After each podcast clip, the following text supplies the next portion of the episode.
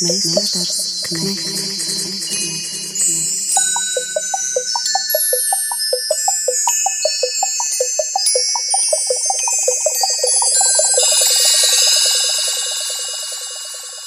Meistars Knechts. Esiet sveicināti, ēterā ir raidījums Meistars Knekts un pie mikrofoniem Arists Silbrietis un Māra Rozenberga. Jā, un šodien Knekta uzmanības lokā pirmo reizi ir izglītība, jā, jocīgi, bet tiešām tā ir pirmā reize. Un LOL nav vērts, protams, ar C.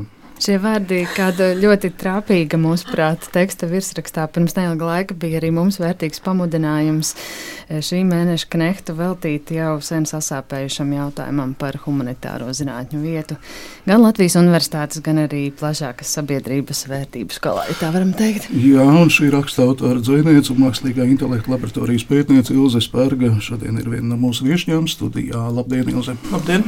Mūsu sarunu biedri ir arī literatūras zinātniece Latvijas Universitātes Literatūras folkloras mākslas institūta vadošā pētniece Māra Grudula. Sveiki! Labdien! Un Latvijas Kultūras Akadēmijas ilgadējā rektore Rūta Mukta Pāvele, kura šajā amatā aizvada pēdējos mēnešus. Jā, jā ar, ar lielu prieku. Labdien! Jā, un vēl šajā sarunā piedalās arī divi nehumanitāro zinātņu nozares pārstāvji, kuru rokās ir, ne, jāsaka tā, vismaz vienam no viņiem visticamāk, jā, visdrīzāk tuvākajos gados būs humanitāro zinātņu liktenis Latvijas universitātes ekosistēmā, un tie ir Latvijas universitātes rektora amata kandidāti, biznesa vadības un ekonomikas fakultātes profesore, Latvijas universitātes rektora padomniece Signe Bāliņa. Labdien! Labdien! Un šīs pašas fakultātes dekāns Gunārs Bērziņš. Labdien! Gunār. Labdien. Jums abiem mēs dosim vārdu pēc uh, kāda brīža, bet es gribētu sākt ar Ilzas Pērgu, kuras rakstu mēs jau pieminējām uh, sākumā. To vienu piemēru, kur caur vienu komatu var izstāstīt veselu pasauli, Ilza, vai es varu plūgt jūs atkārtot to, ko jūs rakstījāt, kā jums gāja ar to vienu komatu? Es strādāju tipogrāfijā, es biju korektore, es biju tāda tehniskā korektore, kas salīdzina tās uh, krāsu, visas plates un novilkumus. Uh, Tostarp man gadījās arī kāds manuskripts. Es neatradu to grāmatu, neatcerējos precīzi nosaukumu, un eh, katalogos viņu neatradu. Bet, nu, saīsinot, tas bija fizikas pamata apmēram atomenerģētikas speciālistiem, es to tekstu dabūju. Tur nebija gandrīz neviena komata, jo autoram tas īsti nelikās svarīgi. Viņš lika tur, kur viņš lika, tur, kur viņam likās, ka jāliek. Bija situācija, kur es nezināju, kur to komatu ielikt. Tāpēc es sapratu, ja es ielieku vienā vietā, tad enerģija no šīs reakcijas nerodas. Siltums nerodas. Ja es ielieku otrā vietā, rodas.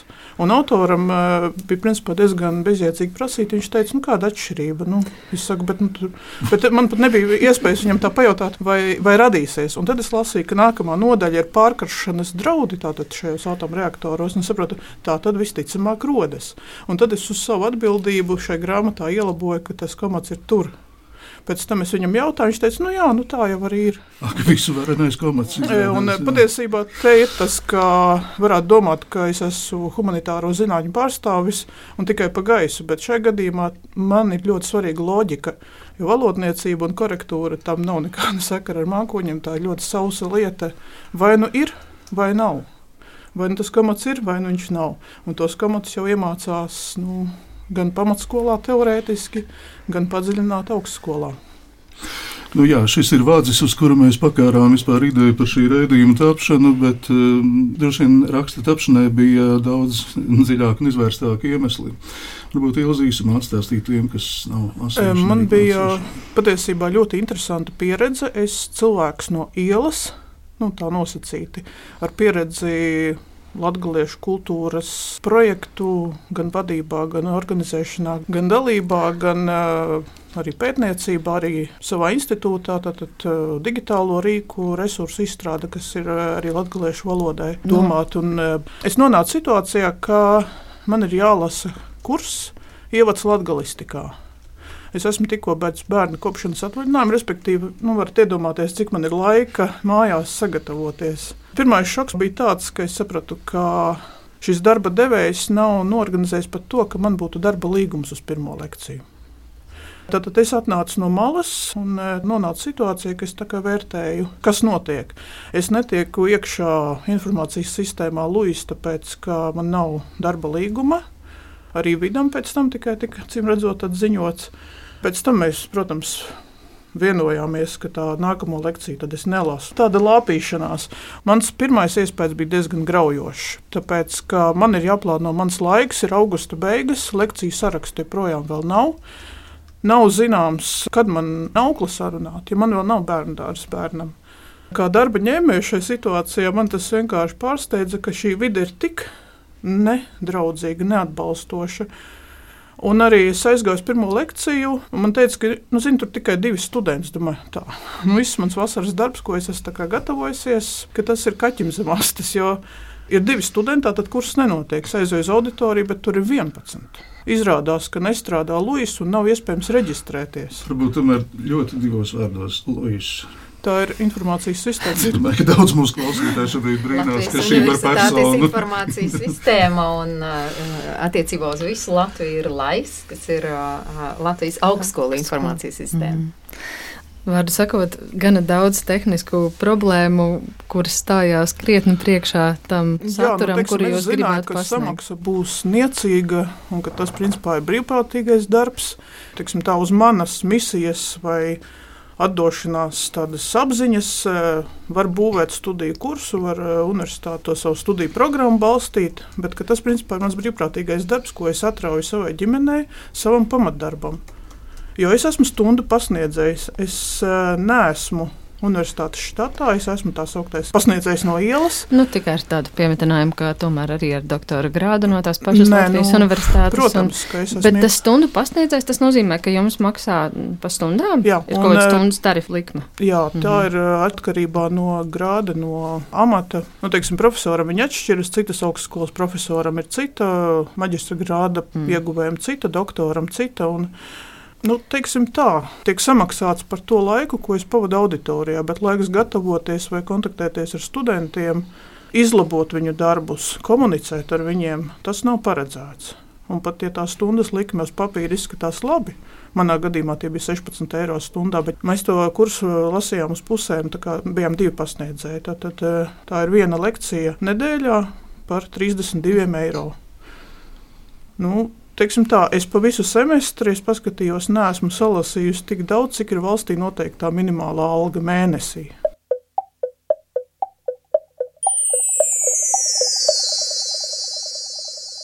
Māra Grudoli, jūs esat pasniedzēja Latvijas universitātē, bet tas nav jūsu pamatdarbs. Jūsu pamatdarbs ir institūtā, kas arī ir Latvijas universitātes institūts. Bet eh, cik sen jūs jau esat saistīti ar Latvijas universitātes sistēmu un kādās kapacitātēs? Es uh, pabeidzu Latvijas Universitātes toreiz filozofijas fakultāti. Un, uh, pēc beigšanas mani uzaicināja strādāt Latvijas Universitātē, lasīt lekcijas, bet uh, tā bija pedagoģijas un psiholoģijas fakultāte, kas bija nesen dibināta. Profesors Bībers toreiz gāja prom no turienes, un es pārņēmu viņa kursus. 1998. gadā es pārnācu uz filozofijas fakultāti, man uzaicināja docēt tur. Tā kā es varu teikt, ka savu darbu mūžu es esmu saistījusi ar Latvijas Universitāti pēdējos gadus. 2002. gadā es sāku strādāt Latvijas institūtā un uh, blakus universitātei. Un, uh, pēdējos gados es ļoti nopietni pārdomāju pēc situācijas, kas kļuva universitātē ar vien dramatiskāk, respektīvi fakultātē, pāriet pamatdarbā institūtā. Pirms pieciem gadiem es patiešām to izdarīju. Es domāju, tas bija pareizs lēmums. Un, godīgi sakot, visus šos pēdējos gadus es esmu arī svārstījusies, vai nerakstīt atlūgumu bet universitātē. Bet man ļoti patīk strādāt ar studentiem, un tas ir tas iemesls, kāpēc es pie tā turos joprojām. Nu, Kādas bija jūsu pārdomas, lasot kolēģis eh, aprakstu par to, kā ir svaigi ielikt šajās pasniedzēju kurpēs? Cik tas sasaucās ar jūsu pieredzi? Nu, pieredze attiecībā uz atalgojumu un arī universitātes fakultātes vadības attieksme nav sevišķi patīkama. Gan apmaksas sistēma, gan arī birokrātiskās lietas, kas kļūst ar vien sarežģītākas un grūtāk kārtojamas. Un jāsaka, Ilgas Spērks rakstā bija maz kā negaidīta.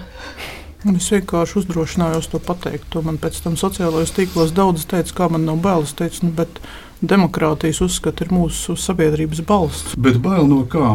Es Nu, kas nezinu, varētu notikt? es nezinu, man es nezinu, uz ielas kāds var pienākt. Es nezinu. Nepiedāvās tos 32 eiro par nedēļu. Nē, vienkārši nezinu, man patiesībā ļoti īsi uh, rezumējot, ko Nu, kāds no jums būs rektors? Vai jūs varat man pateikt, kāpēc man septembrī to vajadzētu atkārtot? Kā, kā faktiski pārņēma raidījumu vadītāju? Jā, es tā kā. Tas man būs, principā, trešais darbs. Ir ģimene, ir pamatdarbs, un, teiksim, kāpēc man vajadzētu trešo darbu, kas ir ļoti, ļoti laikietilpīgs, un kur labākais ir tiešām studenti, jo, jo kurs bija fantastisks. Es domāju, ka daudziem no mums darbs Latvijas universitātē ir tas sirdsdarbs, un tā ir tā mīlestība pret studentiem, kas mūs tur un kas mūs vieno. Un, kāpēc mēs to darbu darām. Man pašai arī ir ļoti daudz gadus bijusi doma, viss pēdējais gads, bet tad es saprotu, nē, bet man patīk tie studenti. Man patīk ar viņiem strādāt, man patīk tā enerģija, ko es no viņiem saņemu. Un es arī izlasīju rakstu, un diemžēl man ir jāatzīst, ka es, es arī tur. Es nevaru nekam nepiekrist, ko jūs tur rakstījāt. Tā viss ir taisnība, un tas ir skumji. Uh, Un tādēļ es arī pieteicos par rektoru kandidātu, lai sakārtot šos jautājumus, kas īstenībā gadiem, vairākiem, varbūt pat, pat gadu desmitiem, nav, nav līdz galam bijuši sakārtoti. Mēs esam atkarīgi no tā, cik daudz ir studenti un, un, un no dažādām lietām. Ļoti daudz riski, kas ir universitātē, finansiālie riski. Viņi ir uzlikti tieši uz pētniekiem, tieši uz mācību spēkiem. Un tas ir tas, nu, kas ir pēc būtības jāmaina. Bet eh, jūs esat bijusi arī un joprojām esat eh, šī brīža universitātes rektora padomniece. Kas tad ir tās lietas, kas buksē un ko jums nav izdevies eh, dodot padomus iekustināt? Jā. Es esmu rektoram padomniece digitālos jautājumos. Mana pamata izglītība, es esmu beigusi fizmats, beigusi lietušķo matemātiku un es esmu datoriķis. Bez loģijas es, esmu, es esmu arī Latvijas Informācijas un komunikāciju tehnoloģiju asociācijas prezidente. Attiecībā par Luisu, es, man, mans lielais darbs visus šos pēdējos gadus bija pārliecināt universitātes vadību, pārliecināt universitātes sēmu, ka mums ir jāmaina informācijas sistēma un padome pieņēma šo lēmumu, jā, mēs to darām. Un mums ir pašlaik uh, publiski pieejams industrijai, lai, lai industrija novērtē tehniskā specifikācija jaunajai sistēmai, kādas ir mūsu prasības, ko mēs redzam, kādai ir jābūt mūsdienīgai informācijas sistēmai. Jo, protams, mūsdienās bez laba nu, informācija tehnoloģija atbalsta nav iedomājams ne studiju process, ne arī latviešu valodas attīstība. Un tas nav jautājums tikai par humanitārajām zinātnēm. Uh, es ļoti cerīgi skatos pašlaik uz to, ka Tehniskā universitāte jau no šī gada, pārējās zinātņu universitātes no nākamā gada, tiek mainīts budžetēšanas princips universitātei, tiek mainīts tas princips, kā, kam par ko tiek piešķirta nauda no ministrijas puses. Un tā man šķiet būs viena no nākamā rektora lielākajām lietām, lielākajām cīņām, kas būs jāizcīna par to, lai visas studijas gan humanitārās, gan dabas zinātnes, gan sociālās veselība, lai, kad mēs saprotam, kāds ir tas finansējuma līmenis, kas ir nepieciešams, lai mēs varam garantēt, ka mums būs noteikts skaits absolventu. Jo pašlaik tā sistēma ir būvēta uz to, ka cik mums ir budžeta studenti, Un par katru studentu ir noteikta summa, kas tiek maksāta, un pēc tam tiek skatīts, kā to summu sadalīt. Ja? Būs tas cits princips, un tad būs tā lielā vienošanās par to, kāds tad ir tas valsts pasūtījums, kas mums ir. Un, ja mēs runājam par valodu, tad man šķiet, ka valoda, latviešu valoda un humanitārā joma tas ir pēc būtības nācijas pastāvēšanas jautājums. Un, ja mēs tam nevaram rast finansējumu pietiekamu, tad nu, tiek apdraudēta gan valodas, gan arī valsts attīstība. Jā, Latvijas Universitātes rektora kandidāte Signe Bāliņa, un tūlīt mēs dosim vārdu arī otram kandidātam, bet es jūtu, ka Rūta jau Rūta o, jā, vēl vairākas reizes ievilka elpu. Sēžu vāros, jā, jā, jā, jā otrais pretendents neiebilst. Jā, un laikam ir tāds plašāks skatījums. Es varbūt mazliet pievērsīšos jautājumam, kas skar ne tikai Latvijas universitāti, bet vispār Latvijas sociālo un humanitāro zinātņu pētniecības gan jomu, gan arī izglītību. Un es gribētu atsaukties pavisam nesen pagājušā gada laikam novembrī vai decembrī izglītības ministrijas augstākās izglītības departamenta vadītājs Jānis Paiders. Izglītības un zinātnes komisijai, Saimas komisija prezentēja situāciju salīdzinājumā ar Lietuvas un Igaunijas datiem attiecībā uz pētniecības finansējumu gan sociālajās, gan humanitārajās zinātnēs. Un tad eh, sanāk, ka sociālajās eh, zinātnēs, piemēram, 20. gada dati bija tādi, ka Mums bija piešķirta 13,7 miljoni eiro, kamēr Igaunijā tie bija 23 miljoni, Lietuvā 43,8 miljoni eiro. Tas ir sociālajā zinātnē. Humanitārajā zinātnē vēl trakāk. Mums bija tikai 8 miljoni, Igaunijā 24 miljoni, Lietuvā 33,4 miljoni. Humanitārajām zinātnēm tieši attiecībā uz pētniecību. Tieši tā. Tā kā nu, skaitļu valoda ir ļoti nežēlīga, bet ļoti arī precīza. Otrs ļoti problemātisks tāds jautājums attiecās uz mūsu docētāju, uz mūsu akadēmiskā un pētnieciskā personāla novecošanu. Un šeit es atkal gribētu atsaukties uz uh, finanšu ministri, kas ir vienotības uh, līderis Arvils Ašarādens, kas uh, pavisam nesen es pat pavaicāju, vai es drīkstu uz viņu atsaukties.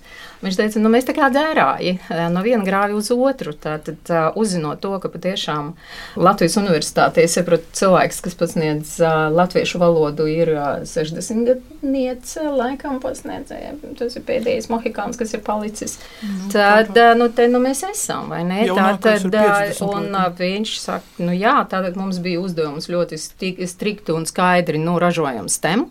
Un neskatāmies uz neko pārējo, un, un tagad uh, mēs esam nonākuši tieši, tieši tā, tādā situācijā, ka mums vairs nav pat kam gatavot tos pedagogus, kas ieto strādāt skolās, un tāpēc ir skaidrs, ka ārprats ar C. Ar C. Un, uh, tas ir uh, tikai likumsakarīgi un būs vēl interesantāk. Varbūt jādos vēl pēc tam. Es mēs dzirdēsim vēl to sāpi, varbūt vēl skaļāk lūgt, jā, lai mēs atgādinām klausītājiem STEM šīs formulas atšifrējam. Science, Technology, Engineering and Maths. Tātad zinātnē, zinātnē tehnoloģijas, inženierija un matemātika. Eh, Latvijas Universitātes rektora amata kandidāts Gunārs Bērziņš ir ļoti ilgi klusējis, jo viņam vienkārši neviens nedēļa vārdu.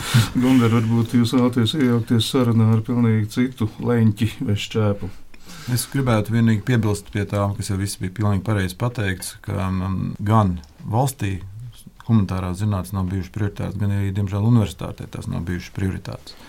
Un, uh, tas ir saprotami, jo ja finansējums īstenībā un galvenā diskursa sabiedrībā iet, ka mums trūkst inženieru, mums trūkst uh, dažādu teiksim, dabzinātņu speciālistāšu speciālisti. Industrija par to runā. Tas spēcīgs... šeit nav arī melots. Nav melots. Tas ir industrijas milzīgs, ir iespēja industrijai par to stāstīt. Visa industrija to stāsta, sākot no IT speciālistiem, beidzot ar metāla apstrādes, nav inženieru būvniecībā, nav, un, un tas spēks šai nozarei to visu laiku deklarēt ir milzīgs. Viņi jau runā pareizi. Un valdība ļoti pareizi to arī klausās. Bet rezultātā mēs esam tiešām Izmantojot ašarādu kungu, jā, iebraukuši pilnīgi otrā grādī un tagad sapratuši, ka nācijas teiksim, ilgtspējas nosacījums inženieri nevienmēr atrisina. Jo labs inženieris ir labs inženieris jebkurā vietā pasaulē, neatkarīgi no tā, kur viņš atrodas. Bet kāpēc viņam ir jābūt tieši Latvijā? Kāpēc labi strādāt par inženieri Latvijā var paskaidrot tikai humanitārā zinātnē? Un uh, šo mazo niansi gan Latvijā, gan arī valdībā, diemžēl, mēs esam piemirsuši. Man vislielākais skumjas ir par to, ka arī universitāte par to ir piemirsusi. Tāpēc um, es uzskatu, ka humanitāro zināšanu atgriešana par prioritāti Latvijas universitātē un arī valstī ir viens no nākošā rektora galvenajiem uzdevumiem. Tieši tāpēc, lai pierādītu, ka kādam ir jārūpējas par to, lai Latvija būtu vieta, kur ir vērts palikt un vērts strādāt. Un maksāt nodokļus. Un nemaksāt nodokļus.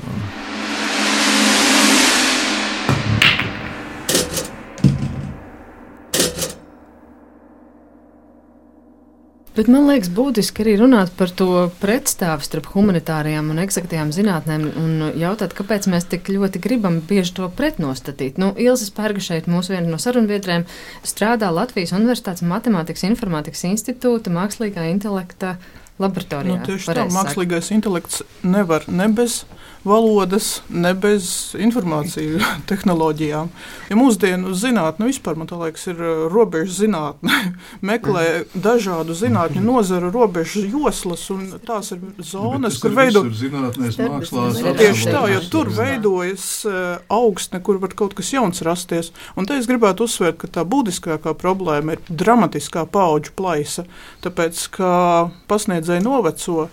Viņi noveco līdzi savam laikam, un mūsdienīgas kaut kādas pētniecības metodas novitāti var ienest pat ne mana paudze. Man jau ir 45 gadi. Bet eh, tie, kas šobrīd studē doktorantūrā, kas eh, var m, mm, turpināt pētniecību Eiropas universitātēs, kas ir šajā tīklojumā, tīklā un kas eh, redz to pasaules kontekstu, un viņiem ir jāienāk Latvijas universitātē un jābūt šiem humanitāro zinātņu teiksim, tā, nākamajam kodolam, kas veidos, kādām tām būtu. Tās nebūs tikai nezinu, tur, vēsturiskā skatījumā skatīties izloksnes vai pētīt tikai kaut ko, jo arī tos senos tekstus var pētīt dažādi. Te es domāju, ir vērts padomāt par to, ka ir jāmazina paudžu plaisa. Tā tagad, kura pirmā pacēla grūti, jā. Uzsegna, jā. jā, es tikai papildinot kolēģis teikto, manuprāt, tas svarīgākais, protams, ir apzināties, ka dzīve ir starpdisciplināra, tiešām dzīve necieš robežas. Un vēl viena lieta, manuprāt, nu, mēs varbūt pie malas tās sacensības, kas ir svarīgākas, ko prioritizēt, bet nu, galvenais, manuprāt, ir balans. Jo skaidrs, ka nu, mūsdienīga tiešām arī demokrātijas vērtībās balstīta valsts nevar pastāvēt bez inovācijām, bez tiešām kaut kādu jaunāku tehnoloģiju, arī jaunāku atklājumu pārneses galu galā dažādiem instrumentiem, ko dara augstskolas un ko dara pētnieki.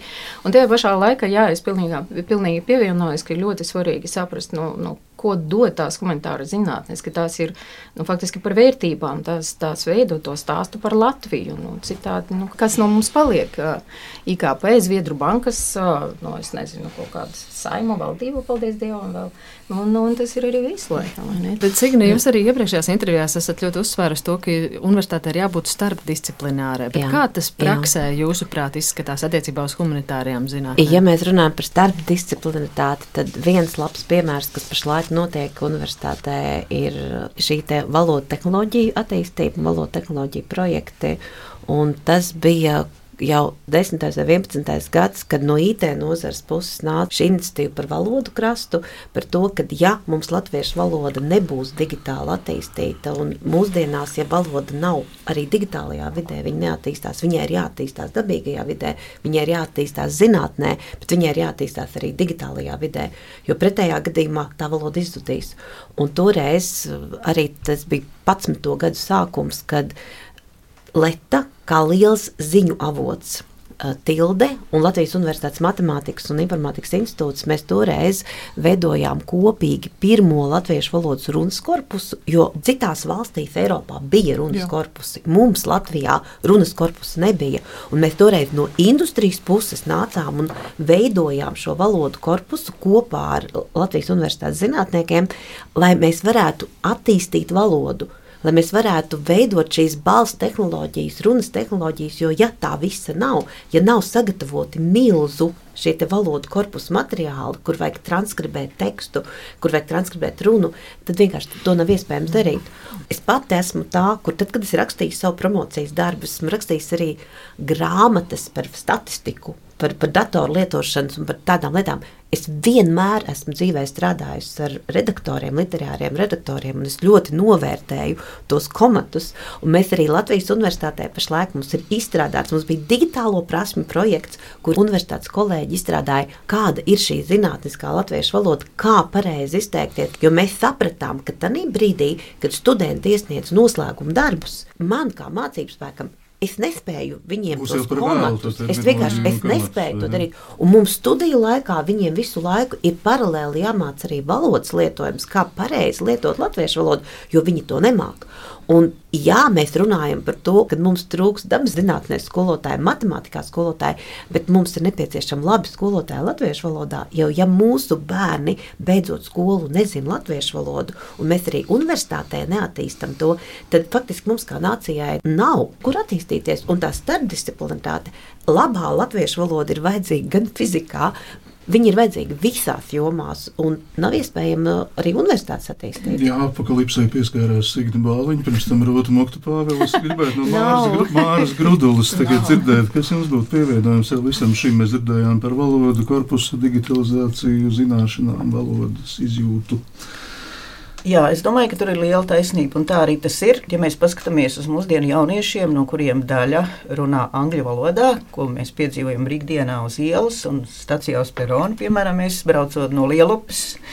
Maza stācija, bet arī tur jaunieši patiešām, diemžēl, pēdējā laikā pārsvarā runā angliski. Tad, uh, Valoda tas vienmēr ir jautājums par to, ko ar to var iesākt. Īpaši fizika. Pasaules fizikas attīstība notiek angliskā vidē. Bioloģijā, medicīnā lielā mērā tāpat. Mēs esam maza valoda, no tās nav nekādas jēgas Eiropas kopējā valoda telpā. Tā ir parasta atbilde. Un lūk, šeit ir tas, kas bieži vien tiek aizmirsts, izbīdot priekšplānā valodu kā izglītība latviešu valodā nozīmē arī vēstures, nozīmē arī kultūras, vēstures, kultūras apguvi. Un tas ir tas, kas jaunam cilvēkam dod pašapziņu un izpratni, kāpēc ir labi būt latvietim.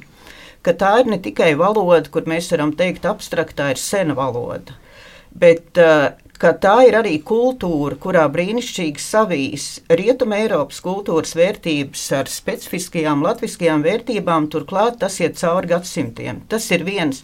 Otrs, es gribētu atzīmēt, ka mēs pietiekami nenovērtējam bīstamību. Ja jauniešiem trūkst pašapziņas, kāpēc ir jauki būt latvietim, un viņiem nav vēstures zināšanas, kādas ir bijušas okupācijas, viņam nav vēstures un okupācijas pieredzes, jo viņi ir pārāk jauni. Viņi nezina, kāda bija dzīve Krievijas impērijā. Tas ir tas, ko dod vēstures zināšanas skolā. Kāda ir dzīve 20. gadsimta pirmajā pusē, ar ko atšķiras Pirmais pasaules karš no Otrā pasaules kara? Tie nav tikai fakti, tā ir izpratne par notikumiem. Mēs esam Eiropas Savienībā. Man studenti ir jautājuši, Padomju Savienība arī ir savienība. Viņi atnāk līdz universitātei, viņiem nav priekšstata Es domāju, ka tas ir ārkārtīgi bīstami, jo būs brīdis, kad būs jāizšķiras par Latvijas likteni, nedod Dievs. Un tad šie jaunie cilvēki būs ar saviem priekšstatiem par angļu valodu, par Eiropu, un viņos nebūs pamatojumu, kāpēc ir vērts cīnīties un aizstāvēt savu zemi. Es tagad dramatizēju, bet man liekas, mēs nepietiekami to apzināmies. Jums ir arī liela pieredze Vācijas akadēmiskajā vidē. Kā jūs tur redzat un izjūtat to šo humanitāro zinātņu plašākā mērogā prestižu un vietu prioritāšu skalā?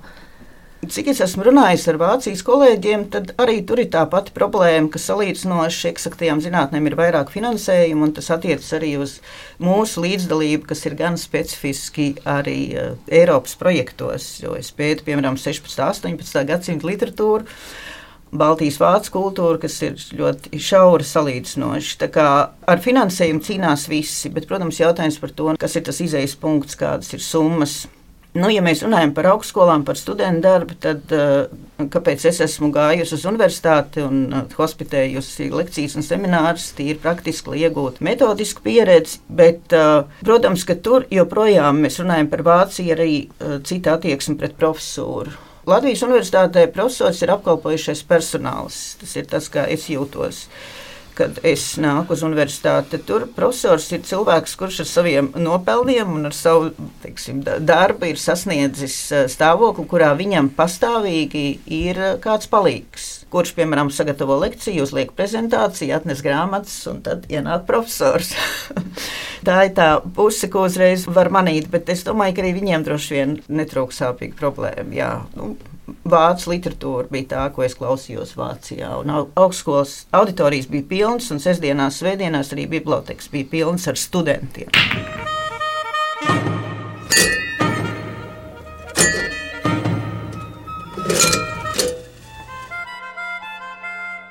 Es saprotu, ka viena no tām lietām, kas tīri praktiski šobrīd kavē jaunu mm, personāla piesaisti humanitāro zinātņu fakultātē, ir tas, ka doktorants nu, viņš nāk ar to savu stipendiju, pēc tam, kad viņš kļūst par pasniedzēju, viņam stipendijas vairs nav, un viņam vienkārši samazinās reālais atalgojums.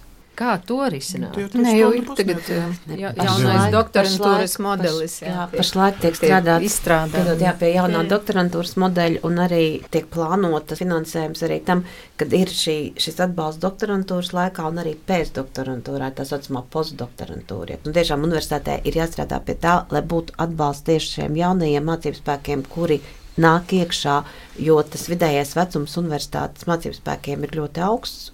No fakultātes fakultāte atšķirās, bet ja mēs ne, nedomāsim par to, kā veidot to ataudzi un kā panākt, lai mūsu doktoranti, kas pabeidz doktorantūru, nevis aiziet citur strādāt, bet paliek Latvijas universitātē vai aizbrauc citur pasaulē un atgriežas Latvijas universitātē, tad mums nu, īsti nav nākotnes. Un Tas ir tas viens no tiem jautājumiem, kāpēc es, es gribu mainīt universitāti. Mm -hmm. Teiksim, atalgojuma jautājums ir vien, viens tikai tā problēma. Atalgojums jau nemaz nav slikts pēc absolūtiem skaitļiem, jo minimālo atalgojumu nosaka ministra kabineta noteikumi īstenībā, kur nevar maksāt mazāk. Tur problēma ir tajā, ka ah, stundu, ko lasīt, nav.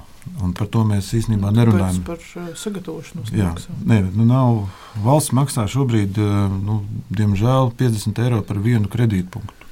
Arī studenti nav gatavi maksāt vairāk kā 50 eiro par vienu kredītu. Tā atkal tiem, kas nemācās augstskolā, šobrīd, ko nozīmē viens tas, nu, tas ir, nu, piemēram, jums bija divi kredītpunkti. Tas nozīmē to, ka par vienu studentu vienam kredītpunktam ir šī. Viens kredītpunkts ir viena stunda nedēļā. Tā galvenā lieta, ka tiem jaunajiem cilvēkiem viņam nevar piedāvāt pilnu darba apjomu.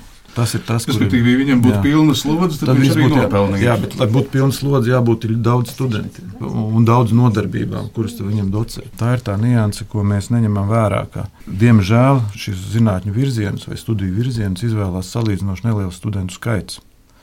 Rezultātā, lai nodrošinātu šo vis, visaptverošo zināšanu kopumu, piemēram, latviešu valodas apmācību, un uz to atnāk 11 studenti, tad valsts, diemžēl, rēķina ka tur jābūt 25 studentiem. Ja tur nav 25, tad automātiski naudas nav nepietiek. Un ko darīt šādā situācijā?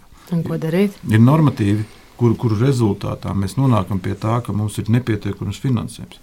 Ne, ļoti vienkārši jāpasaka, ka prioritāriem zinātņu nozarēm un uh, humanitārā zinātnē viss kopējs ir piekrīt pilnīgi vēsture. Uh, kultūras mācību. Teoloģija droši vien ir filozofija. filozofija. Tam ir jābūt atsevišķi nodalītam, kuru nevar finansēt pēc vispār pieņemtajiem finansēšanas principiem, tādi, kādi ir pieņemti piemēram tajos, nu, kā piemēram jurisprudencē vai tajā pašā ekonomikā vai biznesā. Tātad tur jābūt īpaši noteiktam finansēšanas principiem, kas nav vienādi visiem, jo tā ir prioritāte. Un tajā brīdī kuram, ja mēs tā izdarīsim, tad mums būs iespēja apmācīt arī tajās programmās, kurās ir tikai 11 studenti. Es domāju, ka tas ir viens no tādiem uzdevumiem visiem rektoriem, ne tikai Latvijas universitātes rektoram, bet visiem rektoriem, kas strādā humanitāro zinātņu jomā, universitātēs, pateikt, ka jā, mēs atzīstam, ka pie tradicionāliem finansēšanas modeļiem mēs nekad nevarēsim nodrošināt normālu gan darbinieku ataudzi, gan studentu izglītību tādā līmenī, kādu mēs vēlētos humanitārā zinātnē. Un tas ir jāpasaka, ne, te ir jābūt īpašam finansēšanas veidam, finansēšanas modelim šīm konkrētajām studiju programmām. Bet un arī zinātnē. To varētu uzticēt arī pašām augstskolām, vai tad jāmaina ministra kabineta noteikumi, vai kurā, kurā līmenī? Institucionālā, jā, institucionālais finansējuma modelis, kas pašlaik, ja tiek izstrādāts, tad jā, universitātēm un augstskolām tiks atļauts spriest pašām par savām prioritātēm. Vairs nebūs tas fokus uz obligātu budžetu vietu skaitu, un tad, protams, tas paver daudz plašākas iespējas universitātēm. Izstrādāties. Uh, nu šobrīd uh, politikas veidotāja ir izglītības un zinātnes ministrija. Tūlīt būs uh, ministru kabineta noteikumi. Tad, uh, attiecīgi politiķi pieņem vai nē. Tas ir diezgan revolucionārs pagrieziens. Tas ir, tas ir salīdzinājumā arī ar iepriekšējo modeli, patiešām, kad valsts regulēja ļoti noteikti un strikti. Bija tas valsts pasūtījums, tad šobrīd tiešām tā uzticēšanās augstskolām ir. ir, ir Bet te ir, es gribēju piebilst, ir ļoti svarīgi, ka tomēr valsts pasaka, cik mēs gribam tomēr mm. tos gala rezultātus, cik valodniecības, cik vēstures, cik kultūras, cik ko, cik jā, cik valsts jau nav abstrakcija. Ne, tādā brīdī jā. tas ir, tas ir līgums, ta, ta, tam ir jābūt līgumam starp universitātu un ministriju par mm. absolventiem, cik ir absolventi. Bet tur ir otra lieta, tur ir otra lieta, kad Universitātē ir nodefinētas 38 studiju kopas, kas ir tās jomas, kurās universitāte sniedz studijas. Un, ja mēs skatāmies, tad mums ir jāsaprot, ka mums ir jābūt šim finansējumam. Teiksim, ja mēs runājam par humanitārajām zinātnēm, pat arī tad valsts var pasūtīt piecus valodas speciālistus, bet izmaksas ir šādas. Un vai mēs pasūtām 5, vai mēs pasūtām 25, izmaksas ir vienas. Saņem. Profesors nevar lasīt tikai piekto mm. daļu no lekcijas, tāpēc, Jā. ka viņam ir 5 studenti, nevis 25. Ja? Un tā ir tā lieta, un tā būs tā lielā saruna par to, ar ministriju tā vienošanās par to, ka jā, lai mēs nodrošinātu šīs studijas, mums ir nepieciešams šāds finansējums. Un neatkarīgi no tā, vai tie ir 5 vai 25 absolventi mums ir jādomā par to, kā mēs varam piesaistīt vairāk studentus, protams, bet eh, tās izmaksas no tā nemainās. Un ir tās jomas, kas ir valstiski svarīgas, kurās mēs nedrīkstam nenodrošināt studijas. Un mēs nevaram būt tādā situācijā, ka latviešu valoda, baltu filoloģija, kad mums šīs studijas nav Latvijā. Bet, teiksim, ir tie stundu pasniedzēji, kas desmit un pat vairāk gadus strādā, kas pasniedz pamatu kursus. Ja viņš būtu Latvijas Universitātes štata darbinieks, viņš jau varētu pretendēt uz kaut kādu profesoru amatu. Šobrīd viņš ir cilvēks no ielas, kas katru gadu pasniedz tos kursus, bez kuriem šī programmas studiju modelis nav iespējams. Un vienkārši šeit ir jādomā par to, nu, kā es to nosauktu, kastu sistēmu, ka ir štata darbinieki, ir cilvēki no ielas. Un e, viņu gan atbildība, gan iesaiste, kāda ir studiju plānošana, tas cilvēks paceļ cepuri, viņš aiziet, nāk nākamais. 18 cilvēki no tiem 15 laikam bija tie stundu pasniedzēji, kas ir aizgājuši projām pēdējo desmit gadu laikā. Nu, tā ir tāda rotācija, par kādu studiju kvalitāti vai atbildību pret studentu var runāt. Kāpēc es izvēlētos studiju programmu, kur ir tāda rotācija, ka tur nāk un nāk un nāk un nepaliek? Labi, un tas būtu atbildība jādeleģē kam? Dekānam. Fakultātes vadībai. Ja? Fakultātes vadībai. Dekāna studiju programmu direktors. De, dekāni laikam arī ir spiesti taupīt, un tas ir viens no taupīšanas tas, tas ir, un tur pēc būtības, ja mēs paskatāmies un salīdzinām gan zinātni, gan arī studijas, salīdzinām Latvijas universitātes ar Tartu universitāti vai ar Lietuvas universitātēm, tad, tad mēs esam tā kā nu, tas finansējums mums ir daudzkārt mazāks. Mums ir daudzkārt mazāks, un es varu teikt tikai lielu paldies visiem tiem cilvēkiem, kuri strādā universitātē, jo tad tie rezultāti, ko mēs esam sasnieguši pret to finansējumu, ir vienkārši brīnums. Un mēs daudz runājam par to, ka Latvijas universitātēm būtu jābūt top 500, bez finansējuma mēs nekad tajos topos nebūsim. Jo arī jebkuram brīnumam ir robeža, un arī tai, tai pašaizliedzībai rēķini ir jāmaksā visiem. Pateiksim, top 500 tas ir pasaules. Tas ir jā, pasaules, jā, piedodiet, tas ir pasaules jā, jā, top 500, kur jā, Latvijas universitāte dažādos rangos ir visaugstākā, vai divos ir kaut kāda otrā vietā, salīdzinot pret pārējām Latvijas universitātēm un augstskolām. Bet, bet mēs nevaram būt augstāk, ja mums ir nepietiekams finansējums un pasniedzējs un profesors, docents, arī lektors, viņam nav šī stabilitāte, kad es zinu, kāds būs mans atalgojums. Nu, labi, finansējums, protams, ir viena lieta, par to nav šauba, bet otrs ir jautājums par to, ka humanitārās zinātnes nav iespējams nu, to rezultātu tūlīt uzreiz izmērīt. Mēs dzīvojam tādā laikmetā, kur visam vajag uzreiz tūlīt to liederību, kur man liekas, ka humanitāro zinātņu pārstāvjiem visu laiku ir jātaisnojas, kāpēc tas, ko viņi dara, arī ir liederīgi, kāpēc tas komets uh, bija svarīgs tajā vietā. Ja? Jautājums ir, kā jūs eh, plānojat izmērīt tos uzlabojumus un vai vispār tas ir vajadzīgs? Kādi būs tie jūsu atskaites punkti? Ja mēs skatāmies par studijām un par pētniecību arī, tad pēc būtības viens rādītājs, pēc kā var mērīt, tā ir studentu apmierinātība. Un otrs, protams, ir, ja mēs vērtējam pētniecību, tad tur mums ir teiksim, viens no tādiem eh, rādītājiem, kā mēs mēram pētniecību. Tās ir publikācijas, tās ir starptautiskās publikācijas, bet, ja mēs runājam par humanitāro jomu, par latviešu valodu, tad mums ir jābūt šīm publikācijām arī latviešu valodā, jo mēs nevaram viss tikai iet starptautiskajā vidē, bet mums ir jādomā arī par to, kā mēs to darām šeit, Latvijā. Un tie ir dažādi pētniecība, kur valstī būtu loģiski pasūtīt universitātē dažādas pētījumus. Nevis, kad mums ir jāpiedalās konkursos, bet valsts pasūta universitātēm augstskolā pētniecību, un tad mūsu gan profesūra, gan pētnieki institūtos, gan arī mūsu studenti var iesaistīties šajos pētījumos un darīt daudzas labas lietas. Jā, Signa Bāliņa, Rūta, tūlīt dosim vārdu, bet uh, otram rektoru pretendentam Gundaram par šo pašu tēmu. Es tikai gribēju pateikt, ka uh, mums ir divas lietas, kas netika pieminētas. Profesionālā terminoloģijas attīstība Latvijā, ko es domāju, ir milzīga nozīme tieši zinātnīs attīstībai. To un to var izmērīt. Vai mums ir terminoloģija katrā no zinātņu nozarēm, kuras mums Latvijā ir svarīgas, un tieši nu, vi, visu jūsu nu, valodu zinātnieku un Nozares speciālisti sasaista integrāciju tieši no šo valodas terminoloģijas attīstībā ar ļoti labi vienkārši izmērumu un vienkārši pārbaudāms lielums. Un otra lieta, kas netika pieminēta, ir faktiski studentu panākumi pēc beigšanas.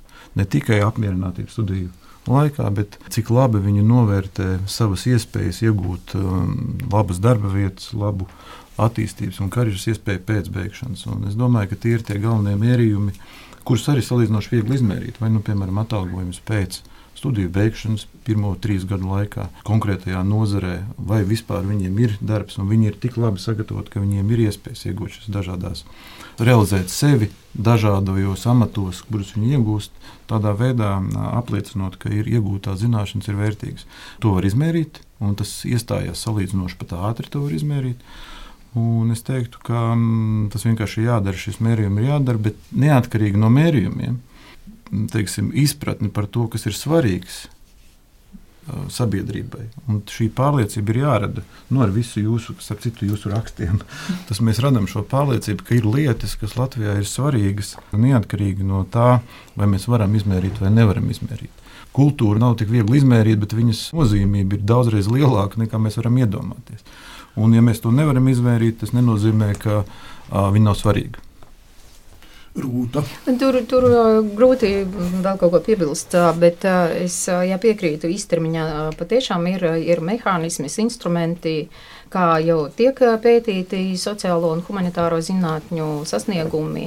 Starp citu, kritēriji ir tādi paši kā STEM un, un, un dabas zinātņu speciālistiem un eksakto zinātņu speciālistiem ar, ar nelielām uh, niansēm. Uh, Nē, tas viss ir skaidrs, bet attiecībā uz ilgtermiņu tas gan ir tiešām jautājums. Un, un laikam ir ārkārtīgi svarīgi saprast, ka tās humanitāras zinātnes un, un arī mākslas, es gribētu teikt, ir ārkārtīgi svarīgas, jo tās nu, veicina šo empātiju vispirms. Un šīs agresivitātes tādā. Mm, laukā, kurā šobrīd mēs dzīvojam, jā, mēs mēdzam piesaukt 21. gadsimts, tas ir civilizācijas un, un tehnoloģisko sasniegumu laikmets, bet tieši tāpat cilvēki runāja arī 20. gadsimta sākumā, 20. gadsimts ar, ar diviem briesmīgiem pasaules kariem. mēs nemaināmies kā mm. indivīdi, kā, kā šīs te hominīdi, kā primāti. Jā, tehnoloģiskas īpatnības, jā, bet psiholoģiski faktiski mēs nemaināmies. Un, un tieši humanitāra zinātnes un mākslas zinātnes ir tās, kas ļauj mums izprast to cilvēku uzvedību, to, to viņu domāšanas veidu, um, nu, rada un attīsta šo kritisko domāšanu. Kritiskā domāšana daudz saka, nu, ko tas nozīmē? Tas nozīmē, ka to visu pārliecinies pats Un tas nozīmē, ka tu spēj strādāt ar avotiem. Tu spēj nevis viena tante teica, bet es pats izlasīju un pats tiešām tiku pie, pie pirmā avota. Tas ir ārkārtīgi svarīgi. Analītiskās prasmes tieši to, tieši to veicina gan humanitāra zinātnes, gan sociāla zinātnes un, un, un mākslas radošumu, uh, kas ir viena no vispieprasītākajām prasmēm uh, 21. gadsimtā. Tas ir no darba devējiem, ja? Nu, jā, jā tieši tā darba tirgu, jo ļoti daudz tas mākslīgais intelekts jau paņems kaut kādas mehāniskas lietas, un paldies tam par to, kas tas nav. Nē, es to nedaru, es ar viņu tieši otrādi ļoti strīdos parasti ah. vakaros.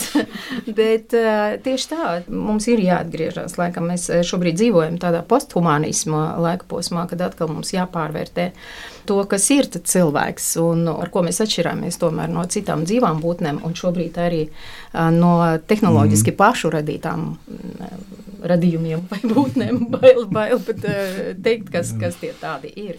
Visādā ziņā. Es domu, domāju, tie ilgtermiņa rezultāti ir daudz, daudz, daudz nesalīdzināmi, ir svarīgāki nekā īstermiņa.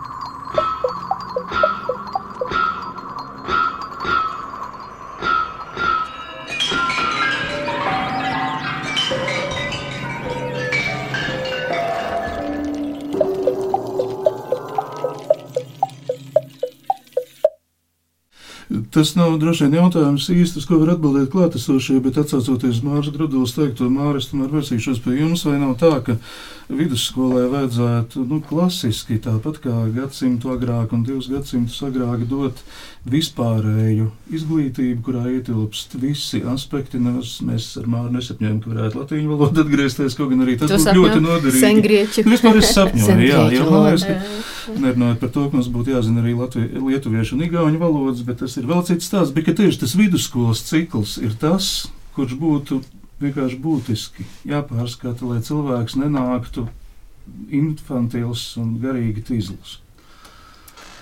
Jā, es domāju, ka noteikti tajā pašā laikā man ir žēl skolotājs, kur cieši no pārmaiņām un reformām pēdējo gadu laikā, bet uh, tas ir aspekts, par ko būtu daudz nopietnāk jārunā nekā tas līdz šim ir, uh, ir darīts pilnīgi var pievienoties. Jā. Es, ja, ja drīkst, es vēl mazliet papildināšu. Es strādāju divās fakultātēs.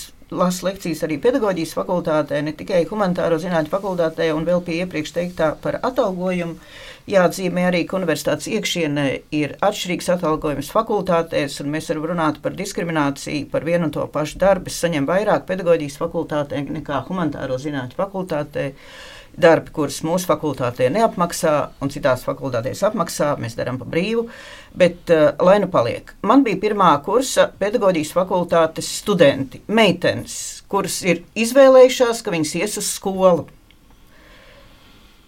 Ar viņām strādājot, es sadzirdēju vienu interesantu lietu. Mums vajag vieglākus jautājumus, mums vajag tikai to, ko mums vajadzēs skolā, jo mēs būsim tikai skolotājs. Viņas ir atnākušas pie manis septembrī. Acīm redzot, ar kaut kādu pieredzi skolā, kas ir skolotājs un ko no skolotāja var gaidīt. Lūk, man šis liekas dramatiski. Es teicu, un ja jums bērns kaut ko pajautās, jūs nezināsiet, jūs viņam atbildēsiet, ka jūs esat tikai skolotāji. Es domāju arī par viņu izvēli, kas ir noteicis viņām vēlmi būt par skolotāju, jābūt kaut kādam zināšanu minimumam. Lūk, tas man šķiet ir satraucoši. Nu, tā pat īsti nav ko atbildēt. Bet tas, ka tu vari domāt par skolotāju kā tikai, laikam gan ir tāda. Es teiktu, man ir piemērs uh, vienā no Rīgas centra skolām, kur ir matemātika, kur tiek mācīta pirmā līmenī un otrā līmenī, un ir tikai viena skolotāja, kur var mācīt matemātiku vidusskolā, otrā līmenī, un viņa ir slima. Līdz ar to nevar šo priekšmetu mācīt. Un tas ir tas pats, kad ja skolotājs zina tikai to līmeni, ko viņš māca skolā, viņš nevar būt skolotājs. Viņam ir jābūt tam zināšanām daudz lielākām, daudz plašākām. Jo tad tu saskati to sistēmu, kuru tad, ja tu zini tikai to kursu, ko tu lasi, tu jau viņu neredzi. Un tas ir arī tas, kas mums ir universitātē, arī mācību spēkiem, ka man jau ir, manām zināšanām ir jābūt daudz lielākām, daudz plašākām par tām zināšanām, Mēs ko es dodu skolēnam. Ir ļoti nelaikotīgi ir domāt, ka kaut kam ir robežas, nu, lūk, bet šīs jā. meitenes domā, ka jā. viņām ir robežas. Es vēl vienu papildinājumu.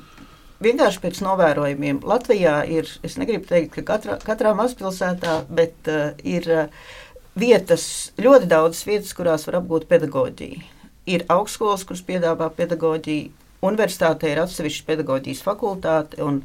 Tajā ir liels akcents uz visu to, kas attiecas uz metodisko darbu, uz šīm kompetencēm pēc jaunās programmas, bet nevis uz uh, pamatzināšanām, priekšmetu pasniegšanā, un tas līdzsvars kļūst ar vien labāks un lielāks eh, to priekšmetu pusē, kas nav saistīti tieši ar priekšmetu apgūvi. Un priekšmets ir piekabināts. Man šķiet, ka būtu tomēr liederīgi, ka pedagoģija universitātē atgrieztos pamatu priekšmetu ziņā pie fakultātēm, kuras šos, šīs mm, zināšanas jā, dod, un pedagoģijas jā. fakultāte kā fakultāte faktiski, es tagad teikšu, kas man jau sen šķiet, ir Lieta. savu laiku pārdzīvojusi. Jā, jā.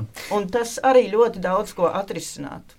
Tas tāpat kā mēs runājam par žurnālistiku, vai žurnālistiku atsevišķi ir profesija. Speciālistam un žurnālistam at prasmēm, tieši tāpat arī pedagogam. Bet vai tas nav tas, ko Bērziņkungs jūs esat minējis par to pamat izglītību un papildu izglītību, kas angliski ir tas major un minor? Jā, nu tas bija tas viens no lietām, kuras es um, izvirzīju savā programmā pašā viena no svarīgākajiem uzdevumiem, kas šis domāšanas maiņa valstiskā līmenī par to, kas ir primārais un kas ir sekundārais. Nu, pedagoģijas jomā tas būtu apmēram tā, ka Nu, piemēram, ir um, cilvēks mācās ķīmiju, ķīmijas nu, fakultātē, un tad viņam ir nevis viens priekšmets, kā ir šobrīd.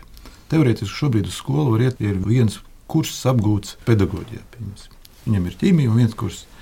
Es teiktu, ka tur jābūt vienam modulim ar pamatzināšanu kopumu par to, kā labāk mācīt ar mūsdienīgām metodēm. Bērnus, kā komunicēt, piemēram, krīzes situācijās, skolās, tieši kā komunicēt šīs izmaiņas. Un tad ir pamatzināšanas savā priekšmetā, savā izvēlētajā studiju virzienā un modulis pedagoģijā, kas ir svarīgs. Tas modulis pedagoģija ir kritiski svarīgs, lai tiem um, studenti spētu saprasties ar mūsdienu jauniešiem. Bet uh, tas ir modulis. Un tad ir tas pamatzināšanas ķīmija, un uh, diplomā ir ierakstīts tas minors, kas būtu teiksim, sekundārā izglītība pedagoģijā. Mm -hmm. Un šis būtu leģitīms pamats cilvēkiem doties uz skolu, teikt, jā, es zinu un varu. Un tas nav tikai citu, ar pedagoģiju. Tas ir saistīts arī ar, piemēram, fizikā. Mums ir pamata teorētiskā fizika, viņš apgūst fiziku, bet viņam papildu zināšanas, piemēram, datu analīze. Un datu analīze ir ļoti pieprasīta. Teorētiskā fizika varbūt nav tik pieprasīta, bet datu analīze ir šobrīd milzīgi pieprasīta. Rezultātā mēs arī nodrošinām to, ka cilvēkiem ir iespējas pēc augstskolas beigšanas daudz plašākas nekā tad, ja viņš mācās vienu šauru priekšmetu. Bet tam ir nepieciešama izmaiņas likumdošanā, un es domāju, ka Latvijas valstī pie šīs darba tirgus situācijas ir kritiski svarīgi, ka mēs tomēr veicam šādas izmaiņas. Nu, bet tad kaut kādā ziņā tas ir arī jūsu spēkos. Nu, Protams, vai Signa Bāliņa tiks ievēlēta vai Gundas Bērziņš, bet jūs varētu to sekmēt. Tad noteikti tā būtu mana viena no prioritātēm, tomēr kopā ar citām universitātēm strādāt pie šīs sistēmiskām izmaiņām visā izglītības es sistēmā. Es tieši gribēju teikt, ka to var izdarīt tikai visas universitātes kopā. To nevar izdarīt viena universitāte, bet visas universitātes kopā ir sevišķi četras zinātņu universitātes, kas ir sadarbībā ar pārējām Mēs faktiski, mēs kā Latvijas universitāte esam atbildīgi arī par to, kāda ir mūsu augstākās izglītības sistēma, jo mēs esam tie, kas viņu rada faktiski. Un mēs esam tie, kuri inicē šīs izmaiņas likumdošanā, lai tā sistēma būtu labāka, lai mums pašiem būtu labāk, galvenais, lai mūsu studentiem, mūsu skolēniem un, un valsts attīstībai būtu labāk. Tā ir universitātes misija. Kultūras akadēmijas rektora Rutmukta Pāvela māja ar galvu. Es māju ar galvu tādā ziņā, ka, protams, ir jāstrādā visām laikām, visiem augstskolu tipiem kopā. Un nu, mums ir jāsadarbojas, protams, ar Izglītības un zinātnes ministriju, kas tomēr ir šī politikas veidotāja. Un, un es pilnībā pievienojos profesorai Balniņai attiecībā uz to, ka mums jāiet ar iniciatīvām. Un praktiski mēs to arī darām. Bet klausoties uz šodienas sarunu, kāda ir jūsu sajūta, ko jūs paņemsiet līdzi par to, kāda ir humanitāro zinātņu nākotne vismaz Latvijas universitātes ekosistēmā? Man ir ārkārtīgi uh, patīkami dzirdēt, ka uh, abiem pretendentiem uh, nav vienaldzīga humanitāra joma. Un es ceru, ka tas nav tikai priekšvēlēšanu laikā. Tā ir pārmaiņa.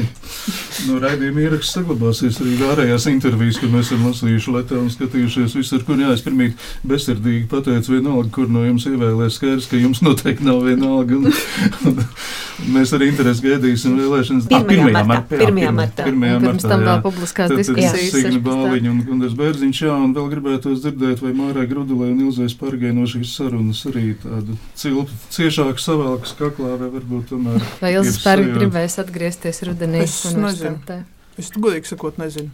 Teiksim, nu, ja tur bija tas skaļi pateikts, ka iepriekš vajadzēja cik tur divus, trīs gadus, ka tagad pietiek ar vienu semestri, tad man patiesībā tāds jautājums, kā tiek risināta visa šī personāla izdegšanas problēma, vai ir atbalsts mobbinga situācijās, vai akadēmiskais mobbings daudz ko arī nenospēlē. Ne manā gadījumā, nu, šajā gadījumā, bet bet vienkārši kā veido šīs situācijas, ka pasniedzēji aiziet. Vai katru reizi tas ir tāpēc, ka viņš tā kā finansiāli nav novērtēts, vai tomēr tur ir arī citi kriteriji. Un kā universitāte domā saglabāt savus vērtīgos cilvēku resursus tāpēc ka doktoru, profesoru skaits Latvijā nu, nav bezgalīgs. Un vienkārši, nu, ja aiziet desmit gadu laikā 11 cilvēki, tad cik tad vēl ir palicis? Un es tā smējos, nu, ja ķeras pat pie manis, ka man ir jālasa lekcijas, nu, es teiksim, tā profesionāli neesmu savā zenītā. Tas eh, skarbi tas varbūt skan, bet. Eh, bet mēs jau paši lūdzam noslēgumu, noslēgumu nu, sajūtu. Jo te pašā laikā arī šīs latgalistikas studijas, tas ir būtiski ne tikai latgaliešu valodas jautājums. Māra Grudili, jums ir tieši minūte. Jā. Gribēju tikai atgādināt, ka konsolidācija, fakultāšu konsolidācija paredz atsevišķu pedagoģijas fakultāti, kā vienu no četrām lielajām fakultātēm. Šajā ziņā man nav nekādu cerību, ka kaut kas varētu mainīties skolotāju sagatavošanā. Un attiecībā uz jaunu cilvēku piesaisti tas ir jautājums, kas ir saistīts ar finansēm. Ja mums tiek pārmests neliels studentu skaits, tad viens no būtiskiem iemesliem ir tieši tas, ka aiziet jauni cilvēki. Un man par to ir ārkārtīgi žēl. Tieši nelielā atalgojuma dēļ. Lūk, vēl viens kriterijs, pēc kā mērīt. Redījumā Mr. Knehts, Mārs Rozenbergs un Orests Silabrieža viesi Ilza Spērga, Signe Bāliņa, Gundērs Bērziņš, universitātes sektora amata kandidāti, Rūta Mukta Pāvela, kur izskatās visai atvieglota, ka māja vidū vairs nebūs rektori, ja es pareizi sapratu. Skaita dienas ir. un profesor Māra Gruduli. Arī paldies, paldies visiem par piedalīšanos. Ar interesi gaidīsim 1. martu. Meistars Knechts.